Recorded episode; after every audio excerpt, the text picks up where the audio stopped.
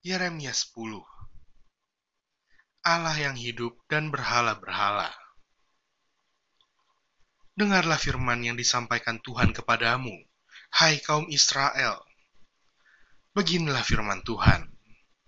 Janganlah biasakan dirimu dengan tingkah langkah bangsa-bangsa.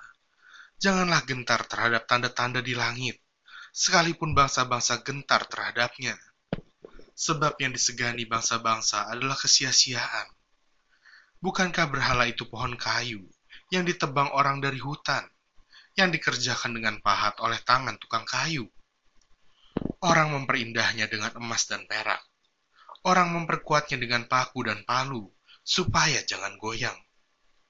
Berhala itu sama seperti orang-orangan di kebun mentimun, tidak dapat berbicara. Orang harus mengangkatnya, sebab tidak dapat melangkah. Janganlah takut kepadanya, sebab berhala itu tidak dapat berbuat jahat, dan berbuat baik pun tidak dapat. Tidak ada yang sama seperti Engkau, ya Tuhan. Engkau besar, dan namamu besar oleh keperkasaan. Siapakah yang tidak takut kepadamu, ya Raja bangsa-bangsa? Sungguh, kepadamulah seharusnya sikap yang demikian. Sebab di antara semua orang bijaksana dari bangsa-bangsa, dan di antara raja-raja mereka, tidak ada yang sama seperti engkau. Berhala itu semuanya bodoh dan dungu. Petunjuk dewa itu sia-sia, karena ia hanya kayu belaka. Perak kepingan dibawa dari Tarsis, dan emas dari Ufas. Berhala itu buatan tukang, dan buatan tangan pandai emas. Pakaiannya dari kain ungu tua dan kain ungu muda. Semuanya buatan orang-orang ahli. Tetapi Tuhan adalah Allah yang benar, Dialah Allah yang hidup dan Raja yang kekal. Bumi goncang karena murkanya, dan bangsa-bangsa tidak tahan akan geramnya. Beginilah harus kamu katakan kepada mereka.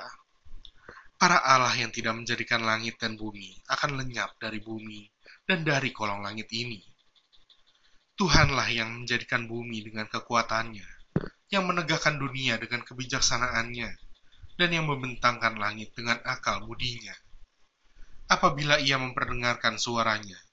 Menderulah bunyi air di langit. Ia menaikkan kabut awan dari ujung bumi.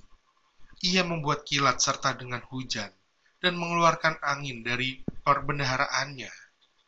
Setiap manusia ternyata bodoh, tidak berpengetahuan, dan setiap pandai emas menjadi malu karena patung buatannya. Sebab patung tuangannya itu adalah tipu, tidak ada nyawa di dalamnya semuanya adalah kesia-siaan.